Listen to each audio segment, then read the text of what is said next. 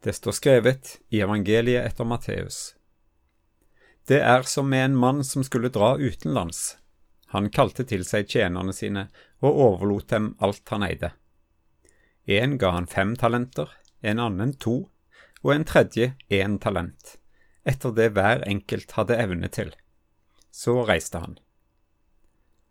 Han som hadde fått fem talenter, gikk straks bort og drev handel med dem og tjente fem til.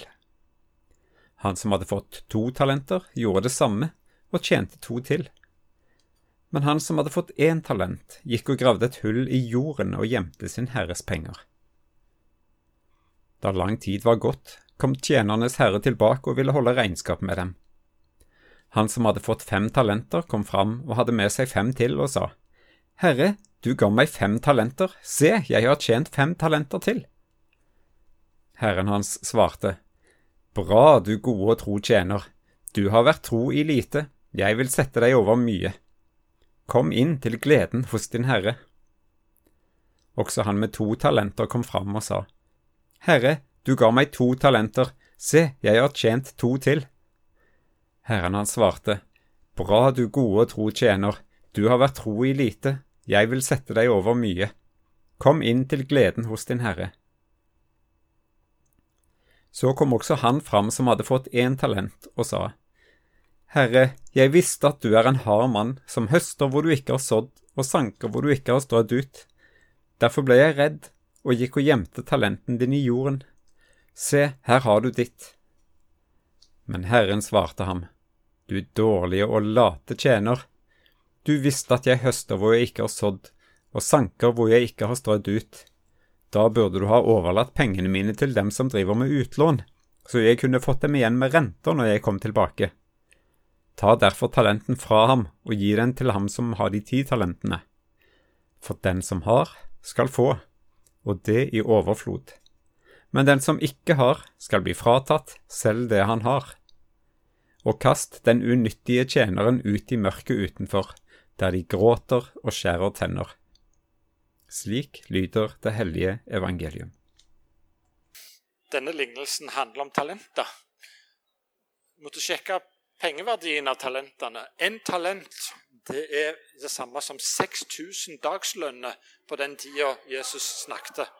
Altså 6000 dagslønner utgjør 20 års verk, eller årslønner.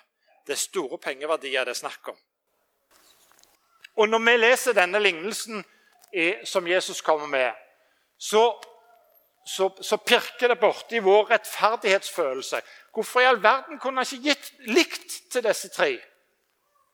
Slik at det, de hadde mye, og de hadde likt å, å, å, å arbeide med mens Herren var borte. Men det er ikke det som er poenget med Jesu lignelse. At de plent skulle ha likt Poenget er, og som Jesus vil fortelle oss her, er uansett så har du med han, han, fortalte jo dette til disiplene. Uansett så har du fått mye å forvalte. Du som har fått minst, du har fått 20 årslønner i overført betydning. Sett det i omsetning. Eller sånn som kanskje vi i vår moderne tid ville sagt la pengene arbeide. Du er betrodd mye. Jesus vil si bruk det du har av ressurser, så skal det formeires, og det skal gi avkastning. Men sett det i omsetning. I min forberedelse til denne korte, lille preken så leste jeg et par kommentarer, og, og, og teologer drøfter om dette med talenter og dette som Jesus vil, vil beskrive her, er noe som går utover våre medfødte egenskaper. Altså, Noen vil da kalle det for nådegaver, det som Gud gir i tillegg til det som vi har fått i, i gave når Gud skapte oss. Og Noen vil hevde at talentene er en beskrivelse av nådegave. og Arni leste jo denne teksten om nådegavene, som kunne være en støtte for det. Jeg legger vekk den diskusjonen om det er noe naturgitt, eller om det er, handler om nådegavene. Å skjelne mellom dem er iallfall ikke alltid like viktig. Men det som denne prekenteksten vil fortelle oss i Riska i dag, det er at Gud har utrusta oss alle med talenter som han ønsker satt i omløp. Bruk de.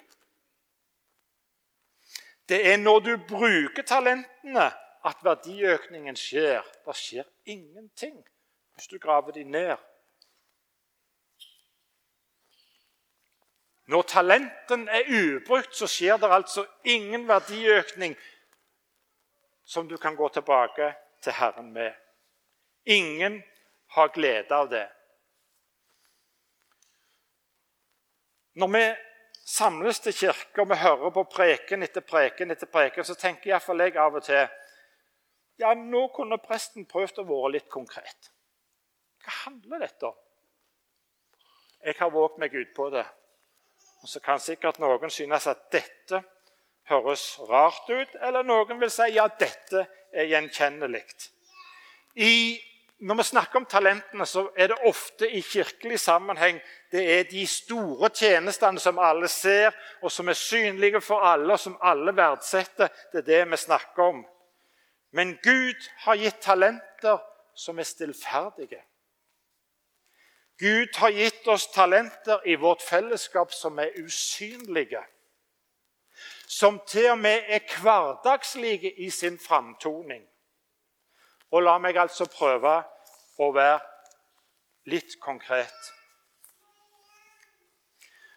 Alle dere kjenner en person eller to eller tre som er utprega hjelpsom.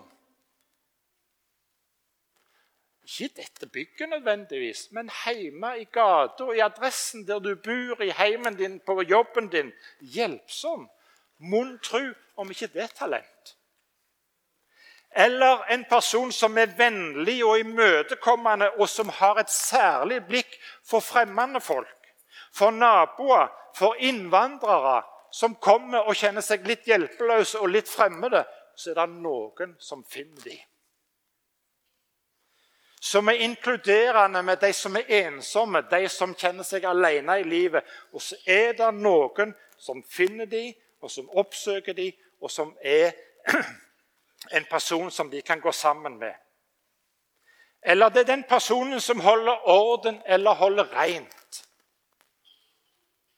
Stille, hverdagslige tjenester. Eller den som kjenner på at jeg skal ta telefonen til den og den fordi at en vet at det kan være godt å ha noen å snakke med. Talent i omløp. Eller noen som sitter helt alene for seg sjøl og kjenner på en påminnelse om at nå skal jeg be til Gud for den og den og den. Ingen vet det, ingen ser det. Kan hende noen merker det. Et talent i omløp. Det er så mye talent i omløp i vårt daglige liv, stillferdig og mer synlig. På torsdag hadde menighetsrådet møte her i de nye lokalene. Jeg sitter i menighetsrådet. Og Da sa vår prest Eva at hun oppdagte mer og mer hvor mye tjeneste, frivillig tjeneste der ytes i Riska menighet hun hadde hørt rykter om det før hun begynte som sogneprest hos oss. På torsdag sa hun jeg ser det tydeligere og tydeligere. Hva var det hun så? Hun så talent i omløp.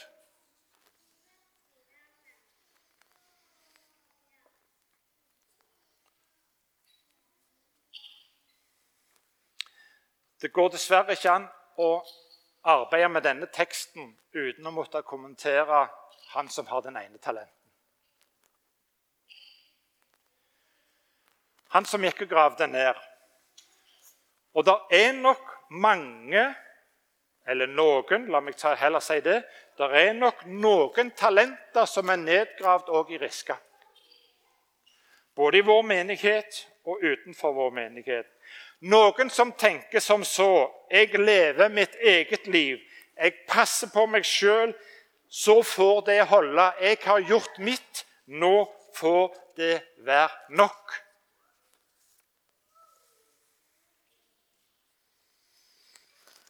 Tidligere i denne gudstjenesten så framsa vi sammen synsbekjennelsen. Jeg har syndet mot deg, Gud, med tanker og ord, med det jeg har gjort, og med det jeg har forsømt. Kan hende at det rammer noen av oss at vi grov ned talentet, at vi har forsømt noe som Gud ønsket vi skulle gjøre og bruke det til. Men kjære Riska menighet, rett etterpå så sier presten Det var jeg som sa det i dag. Dersom vi bekjenner våre synder, er Han trofast og rettferdig, så Han tilgir oss syndene og renser oss for all urett. Og et annet sted sier han til en person Gå bort og synd ikke mer. Altså, grav opp talentet ditt og sett det i omløp.